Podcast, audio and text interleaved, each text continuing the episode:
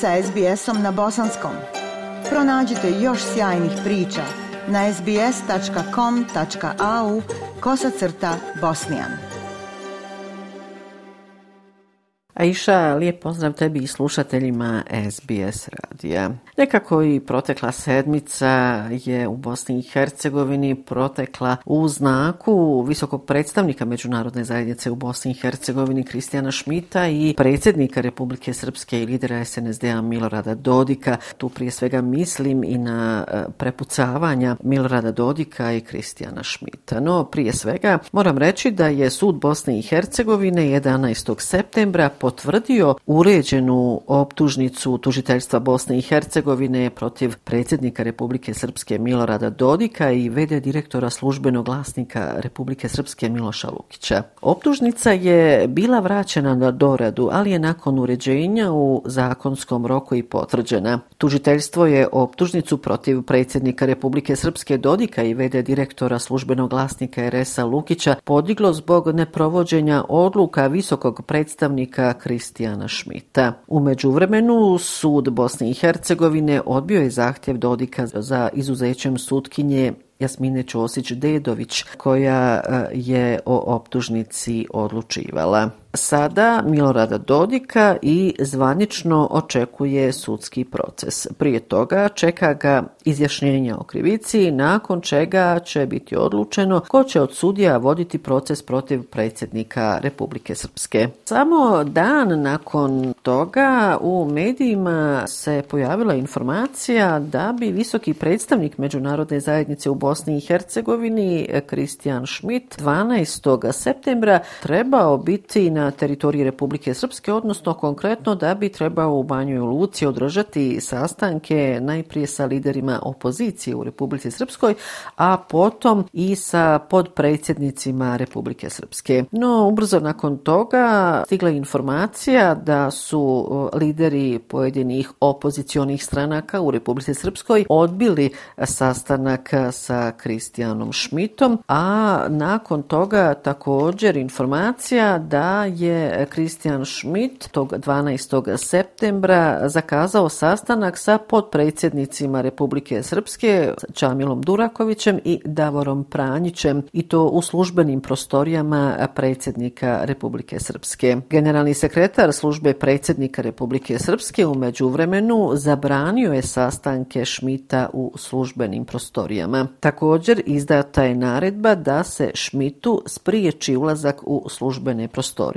Generalni sekretar službe predsjednika Republike Srpske Jelena Pajić-Baštinac zabranila je svima da koriste službene prostorije za sastanak sa visokim predstavnikom Kristijanom Šmitom. Vrlo brzo nakon te informacije e, podpredsjednik Republike Srpske e, Čamil Duraković saopćio je ovdašnjim medijima da je ovaj susret e, u službenim prostorijama predsjednika Republike Srpske sa Kristijanom Šmitom i otkazan. Vrlo brzo, dakle tog istog dana, iz OHR-a, Ureda visokog predstavnika, su se oglasili sa općenjem za javnost, rekavši da posjeta visokog predstavnika Banjo Luci nije bila i definitivno dogovorena. U ovom saopćenju iz OHR-a se ističe da je visoki predstavnik svjesno odlučio da ne učestvuje u orkestriranoj pozorišnoj predstavi vodeći računa o interesu interesima svih građana Bosne i Hercegovine.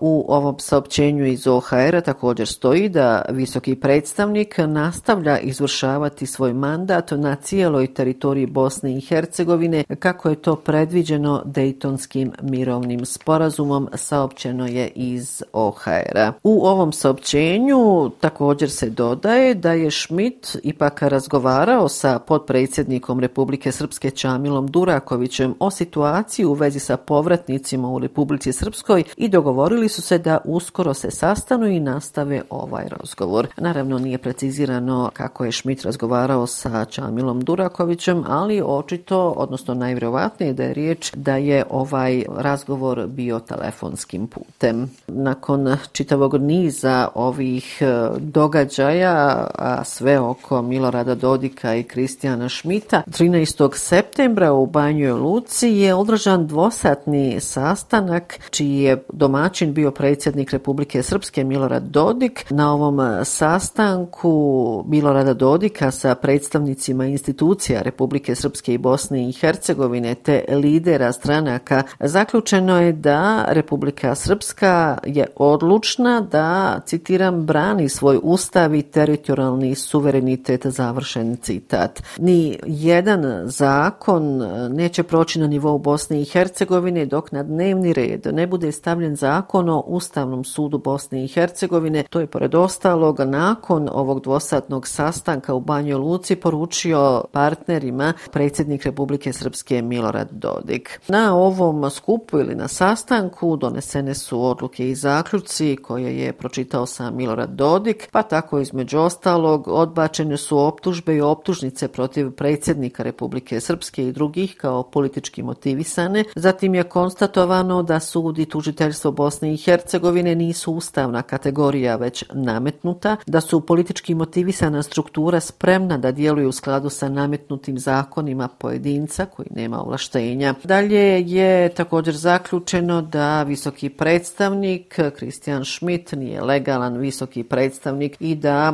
se odbacuju sve njegove odluke. Narodna skupština Republike Srpske će u narednom periodu odbaciti sve što je radio Kristijan Schmidt, a naglašavaju da je dogovoreno da se u budžetu Republike Srpske nađe novac za radnike koji se povuku iz institucija Bosne i Hercegovine. U nastavku poslušajte između ostalog obraćanje predsjednika Republike Srpske Milorada Dodika, koji dakle između ostalog govori i o Kristijanu Šmitu. I učesnici sastanka su rekli da neće prihvatiti odluke suda Bosne i Hercegovine, jer odbacuju to iz razloga da su to odluke politički motivisane i da nemaju ništa što bi moglo da liči na pravo. Mi odbijamo mogućnost da se prihvati nametnuti zakon od lažnog visokog predstavnika i koliko on bude nametnut da će se održati sjednica Narodne skupštine i odmah nakon toga proglasiti nezavisno, nezavisni status Republike Srpske jer, smo, jer bi bili primorani da tako nešto uradimo. On je shodno svojoj ličnoj procjeni sada, evo, ako hoće, ne provjeri i ne rizikuje. Njegov rizik nije naš. Ako mi čujemo da neđe nešto se dešava, mi ćemo intervencijati, naravno. Da zaštitimo turiste, ljude, njihove živote, da ih što prije transportujemo na sigurno mjesto. To je ono što treba MUP da radi ovom sastanku u Banjoj Luci su prisustovali i predsjednik Narodne skupštine Republike Srpske Nenad Stevandić, premijer Radovan Višković, zatim e, član predsjedništva Bosne i Hercegovine Željka Cvijanović, ministri u vladi Republike Srpske i tako dalje. Nakon ovog sastanka novinarima se obratio i predsjednik Narodne skupštine Republike Srpske Nenad Stevandić i evo šta je on pored ostalog izjavio.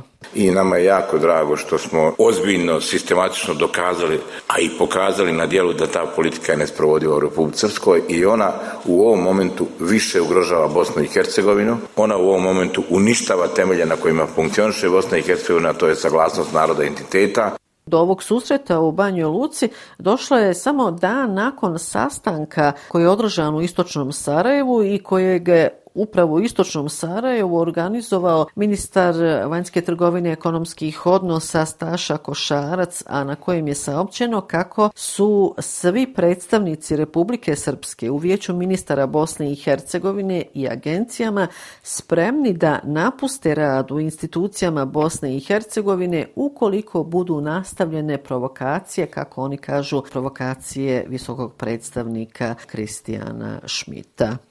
Ministar vanjskih poslova Bosne i Hercegovine Elmedin Konaković 13. septembra održao je u Sarajevu pres konferenciju nakon što se vratio iz posjete Strasburu u kojim se inače održava plenarna sjednica parlamenta Evropske unije. Nakon ove posjete Elmedin Konaković ocijenio da bosansko-hercegovački politički akteri ne shvataju kakvu priliku ima Bosna i Hercegovina. Konaković je ukazao da je sa zvaničnicima Evropske Evropske unije razgovarao o posljednjim dešavanjima u Republici Srpskoj i smatra da bi bilo mnogo lakše da tih dešavanja nema. Uvjerava da, kako izjavio, veliki broj prijatelja Bosne i Hercegovine lobiraju da se Bosna i Hercegovina dobro pozicionira u novoj priči o podršci o proširenju Evropske unije. Prema Konakovićevim riječima, sada se govori o ubrzanom pristupanju zajedničkom evropskom tržištu. Također je naglasio da jedan dio zvaničnika Evropske unije nije znao šta se desilo u Bosni i Hercegovini. Govoreći o kritikama zvaničnika Evropske unije, istakao je da se one odnose na dešavanja prije svega u Republici Srpskoj. Ministar vanjskih poslova Bosne i Hercegovine je zadovoljan onim što je državna vlast uradila na putu ka Evropskoj uniji. Evo, poslušajte i kratko obraćanje ministra vanjskih poslova Bosne i Hercegovine Elmedina Konakovića. Veliki broj prijatelja Bosne i Hercegovine u ovom trenutku lobira da se prije svega dobro pozicioniramo u novoj priči o podršci proširenju. Naravno, pred nas stavljaju još uvijek neke ozbiljne obaveze prije svih zakon o sudu za koji imamo dogovor i potpisani sporazum da ćemo ga usvojiti i zakon o konfliktu interesa koji je također u proceduri, a koji bi trebao biti ovaj paket koji isporučujemo i prezentiramo Evropskoj uniji. Tu je još ovaj državni koordinator za IPA fondove i to su dokumenti za koje imamo saglasnost da ćemo ih usvajati i prezentirati Evropskoj uniji prije oktobra. Vidim da se ponovo postavljaju neki ultimatumi i da se ponovo priča o nekim uslovima, što naravno u ovom trenutku niti je prikladno, niti je dobro, niti treba, niti se smije dešavati, nego pozivam još jednom da potpisane, stavili smo potpise nas, devet predsjednika, čini mi se, na jedan dokument i jedan dio te grupe nije ispunio svoje dato obećanje, trebamo to završiti pa onda ići dalje. Morao sam naravno dio tih razgovora objašnjavati šta se zapravo ponovo dešava, zbog čega visokom predstavniku koji je potpuno legalno i taj dokument smo napisali i proslijedili imenovan u Bosni i Hercegovini, njegove su odluke obavezujuće, ponovo predmet negiranja, negacije, negiranje sudova u Bosni i Hercegovini je nešto na što apsolutno ne pristajemo, ni se, ni se s time slažemo. Za sve dalje razgovore smo vrlo raspoloženi, o svemu ćemo razgovarati, imamo svoje prijedloge kako treba da izgleda Ustavni sud u Bosni i Hercegovini, brzo ćemo ih prezentirati, vrlo rado bismo o tome razgovarali u izbornom zakonu isto tako. I evo, za kraj iše još jedna informacija, 12. septembra ministar komunikacije i saobraćaja Bosne i Hercegovine Edin Forto i podpredsjednik vlade i ministar mora, prometa i infrastrukture Republike Hrvatske Oleg Butković potpisali su u Sarajevu sporazum između Vijeća ministara Bosne i Hercegovine i vlade Hrvatske o rekonstrukciji mosta Brčkog unja. Most Brčkog unja na rijeci Savi, podsjetiću, izgrađen je još u vrijeme Austro-Ugarske, a zbog dotrajalosti e, preko tog objekta je ograničen teretni saobraćaj. Vlasti Bosne i Hercegovine i Hrvatske usaglasile su se da će zajednički održavati mostove. Ministar Edin Forto je poručio da će rekonstrukciju podjednako financirati Bosna i Hercegovina i Hrvatska s tim što moram reći da prilikom potpisivanja ovog sporazuma još uvijek nije bilo preciznih podataka o toj financijskoj pomoći, odnosno financijskoj rekonstrukciji mosta Brčkog unja. Eto, Iša, toliko ovoga puta iz glavnog grada Bosne i Hercegovine. Još jednom vam lijepe pozdrave iz Sarajeva šalje Semra Duranović-Koso. Like, share, comment. Pratite SBS Bosnian na Facebooku.